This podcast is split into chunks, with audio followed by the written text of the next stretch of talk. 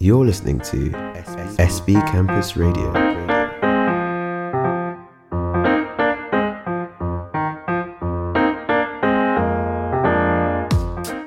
אוקיי, שוב שלום לכם, אתם כאן על פילוסופיה בגובה העיניים ברדיו SB קמפוס.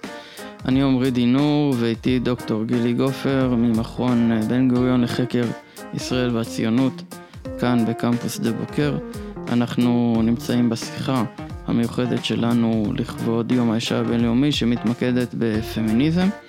והגענו בעצם לחלק האחרון של השיחה שבו אנחנו מתייחסים לגל השני של הפמיניזם בו עסקנו בחלק הקודם וגם בעצם מסכמים את השיחה המרתקת שהייתה לנו כאן ומחברים אותה אה, לימינו ולרלוונטיות של הנושאים האלה לעולם שבו אנחנו חיים כאן בימינו אנו ואיך כל הדברים בעצם בסופו של דבר אה, אה, הופכים לרלוונטיים עבור אה, כולנו. אני חושב בין אם אנחנו נשים ובין אם אנחנו לא, פשוט מעצם העובדה שלא מדובר בשיחה שהיא עוסקת רק בשאלות היפותטיות, אלא באמת באיזשהו ניסיון להבין את החיים שלנו כאן ועכשיו. אוקיי, גילי, הגענו לחלק האחרון, ו... התחלת להגיד בעצם שהעיסוק בגל השני של הפמיניזם חשף הרבה עוולות אה, או בעיות שלא היו מודעים אליהן לפני זה.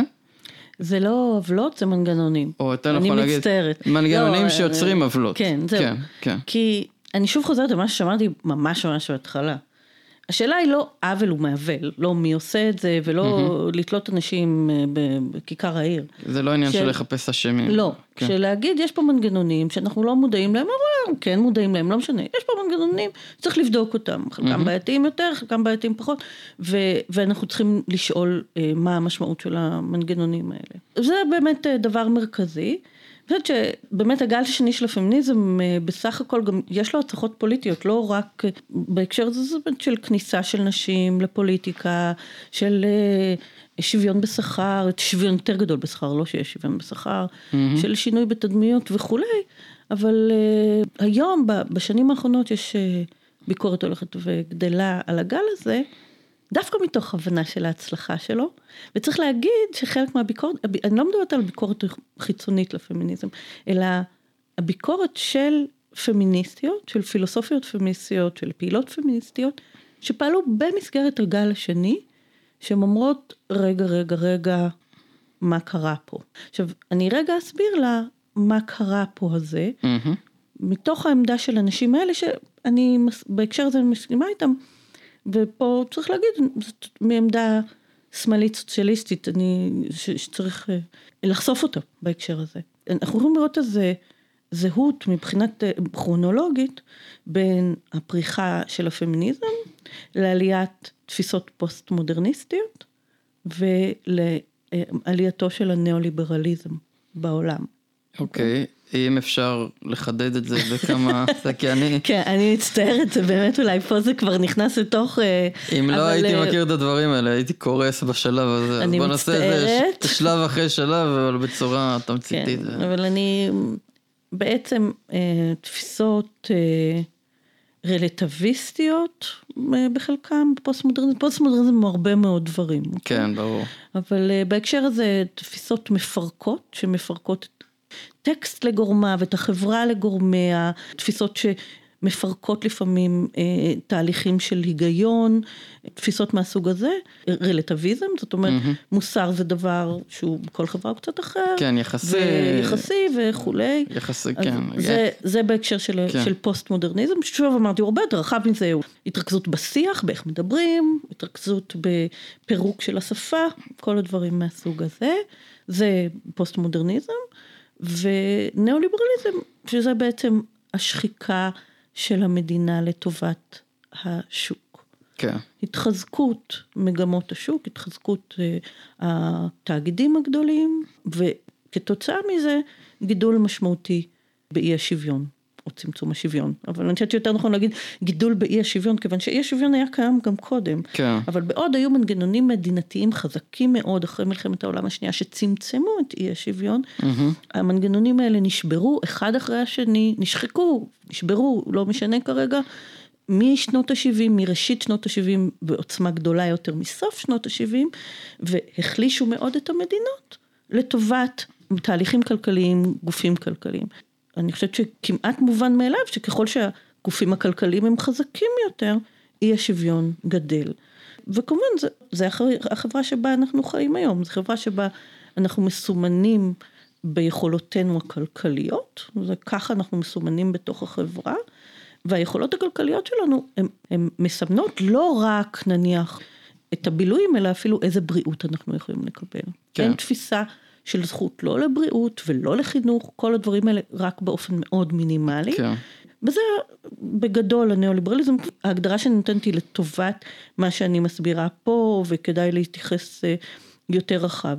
אבל ניאו-ליברליזם זה באמת העברת חלק מהשירותים לידיים פרטיות, דהיינו הפרטה, כן. היחלשות המדינה, הסתמכות על שוק. זה בגדול. זה שלב מאוחר בתוך הקפיטליזם. כן. והשלב הזה הוא משמעותי, כן. מפני שהוא בעצם, בעוד הקפיטליזם רוסן באמצעות המדינה. למעשה מסוף שנות ה-20, אבל באופן מובהק מלאחר מלחמת העולם הראשונה, השנייה, סליחה, ועד שנות ה-70, מראשית שנות ה-70, עוד ועוד מנגנונים שריסנו את השוק, התפרקו, הסכמי המטבע הבינלאומי, אה, אחר כך אה, מדינת הרווחה ועוד ועוד ועוד, והשחיקה של המדינה הייתה עלייה של כוחות השוק.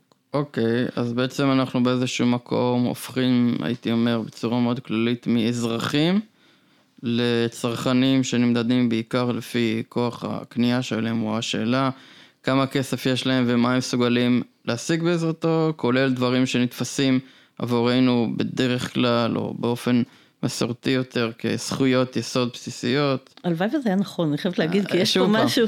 אנחנו מדברים מתוך לא, נקודת מבט... לא, אני רק אסביר למה אני מתכוונת. הדברים האלה שנתפסים אצלנו כמו זכויות יסוד, כמו בריאות וחינוך וכולי, צריך לזכור שגם במאה ה-19 הם היו דברים שרכשו בכסף. כן. הייתה תקופה מסוימת שבהם הדברים האלה נתפסו כזכויות מלאות שלך, או שלי, שלך כאזרח, שלי כאזרחית, לא משנה. כן. אבל התקופה הזאת תקופה קצרה, וצריך לזכור את זה. כן. אה, זו דוגמה שאני נותנת, זאת השאלה של קניית בריאות בכסף. כיוון שאני גדלתי בחברה בתקופה שבה לא קנו בריאות בכסף, כן. הלכו לקופת חולים, בכלל אף אחד לא שאל את השאלה אם אתה יכול או לא, כן. לא, לא זה, כן. כל מיני דברים שקשורים לקנייה של תרופות בכסף, יש מבחן כזה של קולבר, כמה אתה מוסרי סביב העניין הזה, אני אפילו לא הבנתי את המבחן בתור נערה, כן. אבל קודם לכן כן קנו בריאות בכסף, ועכשיו אנחנו חוזרים למקום הזה שבו אנחנו קונים בריאות בכסף. אוקיי. Okay. שזה לא, זה לא זכויות מובנות מאליהן. ברור, ברור. זאת אומרת שיש זהות של זמן, רק כרונולוגית, בין העלייה של הגל השני של הפמיניזם לפוסט מודרניזם ולניאו-ליברליזם. אוקיי, okay, אז איך הדברים מתחברים? אוקיי, okay, ובעוד הזהות בין פוסט מודרניזם לפמיניזם, זה משהו שדנו בה כבר הרבה, אז השאלה של הקשר בין פמיניזם לבין ניאו-ליברליזם, משהו שבשנים האחרונות עולה יותר ויותר. יש חוקרת באוניברסיטה שלנו שעוסקת בזה, אותה אני מכירה פחות, קטרין רוטנברג. החוקרת שאני בדרך כלל מסתמכת עליה, אני חושבת שהיא אחת החוקרות החשובות של המאה ה-21. מה שהיא כותבת מאז סוף המאה ה-20 ובתוך המאה ה-21, זה מהטקסטים היותר חשובים שיש עכשיו, והיא ננסי פרייזר. ננסי פרייזר היא חלק מהגל השני של הפמיניזם, mm-hmm. ובשנים האחרונות היא כותבת אה, ביקורת על הזהות בין הגל השני של הפמיניזם לבין התופעות של פוסט מודרניזם ובעיקר ניאו-ליברליזם. Okay. אוקיי. והטענה המרכזית שלה, שהיא מאוד מעניינת, אני חושבת שהיא מעניינת, כיוון שהיא אולי יכולה לתת לנו מפתח לאיך אפשר לשנות את המצב, זה שהתקפה של פמיניזם על מנגנוני המדינה, היא הייתה חלק מהכלים לפירוק המדינה. זה נובע לא מרצון להשיג שוויון זכויות לנשים, כמו מרצון להגדיל את אי השוויון בחברה באופן כללי? לא, זה לא נובע מזה, אני אה, מתכוונת. 아, אוקיי. זה כן מה שקרה, אבל כן. זה לא... מנגנוני המדינה החזקים של שנות ה-50, ה-60 וה-70, אולי זה נשמע כאילו אני מדברת על מדינת ישראל, לא, אני מדברת על מדינות בעולם בכלל. כן. מנגנוני המדינה החזקים, הם היו חזקים מדי, והם שרטטו קווים ברורים מדי לנורמה. Mm-hmm. ובתוך כך הם גרמו לדיכוי של אוכלוסיות מסוימות. אוקיי, אוקיי. האוכלוסיות האלה יצאו כנגד מנגנוני הדיכוי במדינה, מהמם. אבל המשמעות של זה הייתה פירוק המדינה. מן הסתם. כן. זאת אומרת, זה לא חייב להיות ככה, זאת אומרת, לא. וזה בדיוק מה שאומרת. מדינת הרווחה הקלאסית, אחרי מלחמת העולם השנייה, מנגנונים מדינתיים של בריאות, של חינוך, של אה, אחיזה לעת אה, אה, צורך כמו אבטלה, רשת, זקנה, ביטחון וכו'. רשת ביטחון רחבה, כן. זקנה היא מאוד מרכזית בתוך הסיפור הזה. המנגנונים האלה הם מנגנונים שיצרו שוויון, בגדול, אם אנחנו רגע מסתכלים ברוב המדדים. אבל הם, היה צורך לשפר אותם בתחומים מסוימים. מהמם. עכשיו, בעצם נקודת החולשה הזאת של מדינת הרווחה, שהיא הייתה אה, מיושרת מדי, יצרה דמות חזקה מדי, במעט מאוד גמישות, במקום הזה של החולשה של אה, מדינת הרווחה, לנקודה הזאת נכנס הניאו-ליברליזם ופירק את ה... כן. אבל הדרך של הניאו-ליברליזם להיכנס לתוך הסדקים האלה, הייתה דרך תנועות המחאה של סוף שנות ה-70. והפמיניזם הייתה תנועה מאוד חזקה בעניין הזה. כי הפמיניזם באמת ביקר את העוצמה הגדולה של המדינה. אוקיי? הפמיניזם של סוף שנות ה-70, המטרה שלו לא הייתה רק שוויון לנשים, מטרתו הייתה שוויון. לא הייתה רק חירות לנשים, כן. מטרתו הייתה חירות. כן. ונשים חזקות ידעו לס- לסמן את המקומות שבהם המדינה לא גמישה מספיק כדי להכיל לתוכה שונויות, כמו למשל נשים. מדינת הרווחה הייתה ברוב המדינות, דרך אגב במדינת ישראל זה קצת שונה וזה מעניין בפני עצמו. מדינה הרווחה ברוב המדינות ובאופן ברור וכתוב הייתה בנויה למשפחה שבה יש מפרנס עיקרי, גבר, מהמם. ומישהו שעושה את כל העבודה בבית, אישה. כן. ככה הייתה בנויה מדינת הרווחה. הגבר רוצה לעבוד, האישה עושה את כל את השאר. כל השאר. כן. נניח במדינת הרווחה הבריטית, אישה שנישאה, איבדה את זכויותיה בביטוח הלאומי. כן. זו, זו הדוגמה הכי בולטת, אבל זה כן. קיים גם במקומות, בדברים אחרים. מהמם. על זה זה היה בנוי, אוקיי? ובאות נשים ואומרות, רגע, אבל המודל הזה לא עובד בשביל כולם, בואו כן. נראה איך אפשר... אה, אוקיי, אז בואו נבטל את המנגנון הזה. מבטלים את המנגנון הזה, וביטול המנגנון הזה, מה שהוא מייצר זה כל יחיד בנפרד כצרכן, מה שאתה אמרת ול- ולא כאזרח, ולא כאזרחית, צרכנית ולא אזרחית. כן. וזה מה שקורה, זאת אומרת, במקום הביקורת הלגיטימית על המנגנונים האלה, שיצרו אנומליה בכל מיני מקומות, הפכה לביקורת כללית על כן. המדינה, ושחקה את מנגנוניה, מתוך הנחה שהשוק עיוור לדברים האלה. הנחה שאנחנו יודעים שהיא לא נכונה, פשוט לא נכונה. שזה אומר בעצם מה? כאילו, שהשוק לא אכפת לו אם אתה גבר או אישה, אכפת לו רק אם יש לך כסף או לא, כן, ולכן לכאורה יש פה שוויון בין גברים לנשים, כי נכון. זה לא משנה. נכון. אוקיי. אה, רוטנברג שהזכרתי אותה, היא גם אה, מסבירה את זה, זה, אם רגע נלך עם זה קצת, זאת אומרת, כן, יש נשים שמשתלבות גבוה מאוד בתוך המדרג הכלכלי, מהמם. אבל יש מעט מהן. הביקורת שהייתה עוד קודם על הגל השני של הפמיניזם מצד אה, נשים מוחלשות מכל מיני סוגים, זה שהפמיניזם של הגל השני יצר שוויון בין נשים לבנות לגברים, או פעל לשוויון בין נשים לבנות לגברים לבנים, על חשבון נשים חומות, מה שנקרא, זאת אוקיי. אומרת, את יכולה להיות מנכ"לית של החברה הגדולה ביותר, אבל יש איזו מהגרת בעולם שלישי שמטפלת בילדים שלך ובבית שלך. זו, זאת הייתה הטענה שהייתה קיימת בראשית שנות התשעים סביב העניין הזה של פמיניזם שחור ופמיניזם לבן. אוקיי. אבל פרייזר ו- ו- ורוטברג לוקחות את זה צעד אחד קדימה, והן אומרות, זה לא עניין של לבן על חשבון שחור, בואו לא ניקח את זה למקום הזה של הזהויות, אלא נגיד שהסדקים האלה, שמטרתם הייתה לשפר את, ה- את המבנה הקיים, או אפשרו את ה... זאת שהכוח של ההון הוא כוח מאוד אה, גדול, הוא נכנס לתוך הסדקים האלה, ובעצם השתמש בפמיניזם כדי לפרק את אה, מדינת הרווחה. לא רק בפמיניזם, כן. אבל הפמיניזם, כיוון שהוא היה חזק, בהקשר הזה יש הישגים מאוד גדולים לפמיניזם, הישגים גדולים, כן, צריך להגיד. ברור.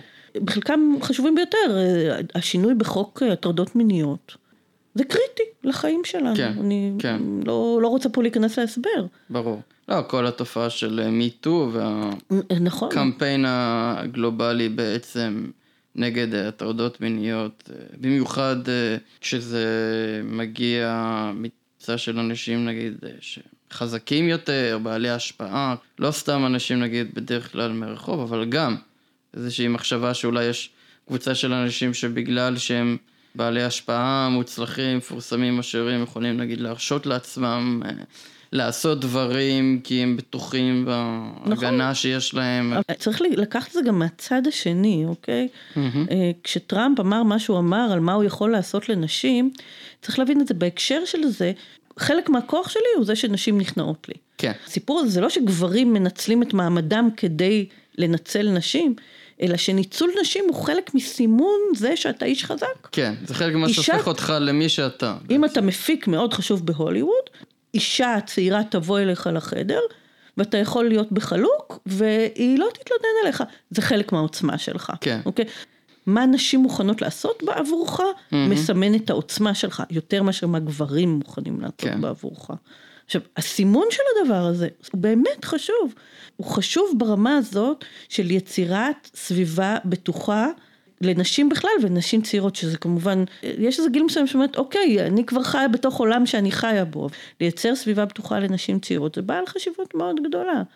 ויותר מזה, אני חושבת, המודעות הגדלה של גברים לאיך נשים רואות את העולם היא קריטית.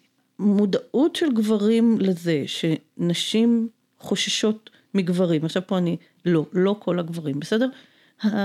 המטרידים הם מיעוט בקרב הגברים ככל הנראה, אבל כשאני עומדת מול גבר, אם הסכנה היא, היא סכנה של סכנת נפש, אז זה לא משנה לי שזה רק אחד מתוך תשעה.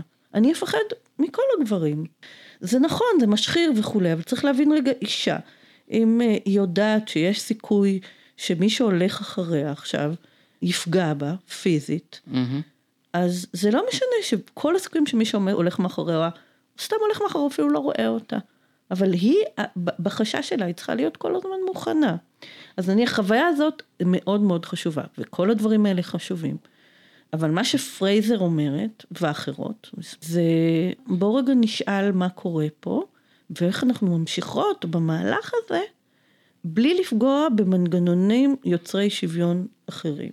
אוקיי. Okay. ופרייזר פה, בהקשר הזה, היא יצאה מתוך הפמיניזם, יצרה או מהלך של צדק חלוקתי מול צדק הכרתי. Mm-hmm. פה זה, זה מה שחשוב לי רגע להסביר בתוך הדבר הזה. כמו שאמרתי, הביקורת הראשונה על הגל השני של הפמיניזם הייתה מכיוון של זהויות. זאת אומרת, אה, זה לא אותו דבר להיות אישה לבנה כמו להיות אישה שחורה, זה לא כן. אותו דבר להיות אישה ענייה כמו אישה עשירה, זה לא אותו דבר להיות אישה דתייה כמו להיות אישה חילונית, זה לא, וכולי וכולי. Mm-hmm. כל אה, הדבר הזה. צריך לזכור שהדבר הזה מפרק את החברה. הדרך שלנו לחיות היא בסולידריות, ברגע שאין סולידריות יש הגדלה של אי השוויון. כי ככל שיש פחות סולידריות, החזק מתחזק והחלש נחלש. כן. והפירוק הזה לזהויות, לקבוצות משנה, mm-hmm. מפורר את הסולידריות. הטענה שפוליטיקה של זהויות, היא מדברת על הזכות להכרה, שיכירו בשונות שלך. Mm-hmm. והזכות הזאת להכרה יכולה לבוא על חשבון הזכות הכלכלית שלך, זה החלוקה. זאת אומרת, פוליטיקה של זהויות מול פוליטיקה מעמדית, וצדק חלוקתי מול צדק הכרתי. בעוד נניח אה, מרקסיסטים ותיקים, גם היום, אבל בוודאי פעם יגידו, תעזבו, ברגע שנפתור את שאלת החלוקה, שאלת ההכרה תיעלם. עכשיו אני אגיד את זה במילים פשוטות. כן. ברגע שנייצר מנגנון כלכלי שיש בו שוויון, השאלה אם אני שחורה, אם אני לבנה, אם אני גבר, אם אני אישה, לא תהיה חשובה. כי כולם יהיו שווים ממילא. ממילא. מה שאנחנו רואים שזה לא מספיק. מנגנונים יוצרי השוויון, כן, הם טשטשו חלק מהשונויות על בסיס זהות, אבל בחלק מהמקרים הם רק אה, תסכלו אנשים כן. סביב השונויות על בסיס זהות. Mm-hmm. ופרייזר, שבא מהכיוון של צדק חלוקתי באופן מובהק, אומרת, בואו נראה איך אנחנו מתייחסים גם לשאלת צדק הכרתי. Mm-hmm. להכיר בשאלת הזהות כשאלה חשובה בתוך ההקשר של חלוקת הכוח. לא להגיד זה או זה או זה. ותשים לב, הרבה מאוד אנשים שעוסקים בפוליטיקה של זהויות, מתרחקים מפוליטיקה מעמדית. Mm-hmm. בסדר, זה נכון, או זה היה פעם, או זה לא חשוב, או פוליטיקה מעמדית היא עוד כיסוי של הגבר האירופי, הלבן וכולי וכולי, לחזק את מקומו בחברה. Mm-hmm. ההפרדה הזאת בין הזהות לבין המעמד היא לא הפרדה נכונה. בפרייזר הוא מראה את זה מתוך העניין הזה של הפמיניזם. זאת אומרת, הנה באנו ואמרנו, יש פה קושי, והקושי הזה פירק את המנגנונים שהם מנגנוני חלוקה. אנחנו צריכים לעשות מהלך הפוך, שבו אנחנו מייצרים מנגנוני חלוקה שלוקחים בחשבון גם את השונויות. אנחנו נאלץ אה, להסתפק בדברים האלה בשלב הזה. בתור אה, אדם שכנראה לא מספיק אה, מודע לאופן שבו נשים תופסות את העולם, בהחלט, אני אומר שלנו יש איזשהו תיקון לעשות לדעתי. לא מהמקום שאני רוצה להרגיש אשם על עצם היותי גבר, אלא במקום שאני רוצה להבין שיש קשר בין ה... נקרא לזה מגדר ש... שאליו גדלתי לבין האופן שבו אני רואה את העולם ולכל הפחות צריכים להיות uh, מודעים לדבר הזה בשביל להבין את האתגרים הייחודיים שחצי לפחות מהמין האנושי uh, מתמודד איתם בצורה כזו או אחרת. אז אני רוצה להודות לך שוב, דוקטור גילי גופר ממכון uh, בן גוריון לחקר ישראל והציונות. ומהמכון למורשת בן גוריון. וגם מהמכון למורשת בן גוריון, שזה לא אותו מקום, למרות שאנשים קצת מתבלבלים. כמובן, אה, תודה לכם, המאזינים. תודה מקו... שהזמנת אותי. בשמחה. אה, אני מקווה שהפקתם הנאה מהשיחה הזאת, אה, ובמיוחד מהעובדה שהיא משודרת ביום האישה הבינלאומי, שחוזר כל שנה לאותה נקודה, בתקווה שבכל זאת יתחדש משהו בשנה החולפת. אני כן מרגיש שבהחלט אנחנו נמצאים במקום שמסמן איזשהו שינוי, והמהפכה הזאת של המיטו שדיברנו עליה היא בהחלט משהו שלא היינו עדים לעוצמה כזאת בעבר. אתם אה, מוזמנים כמובן להאזין לכל שאר החלקים של השיחה הזאת ולשיחות אחרות שלנו באתר שלנו www.sbcampusradio.com ובעמוד ה Mixcloud של אה, רדיו SB Campus. אני הייתי עמרי דינור, אתם הייתם על פילוסופיה בגובה העיניים ונשמח כמובן אה, לפגוש אתכם גם בשיחות אחרות. להתראות אה, ויום אישה שמח. משמעותי. ומשמעותי לאנשים ולגברים כאחד. להתראות.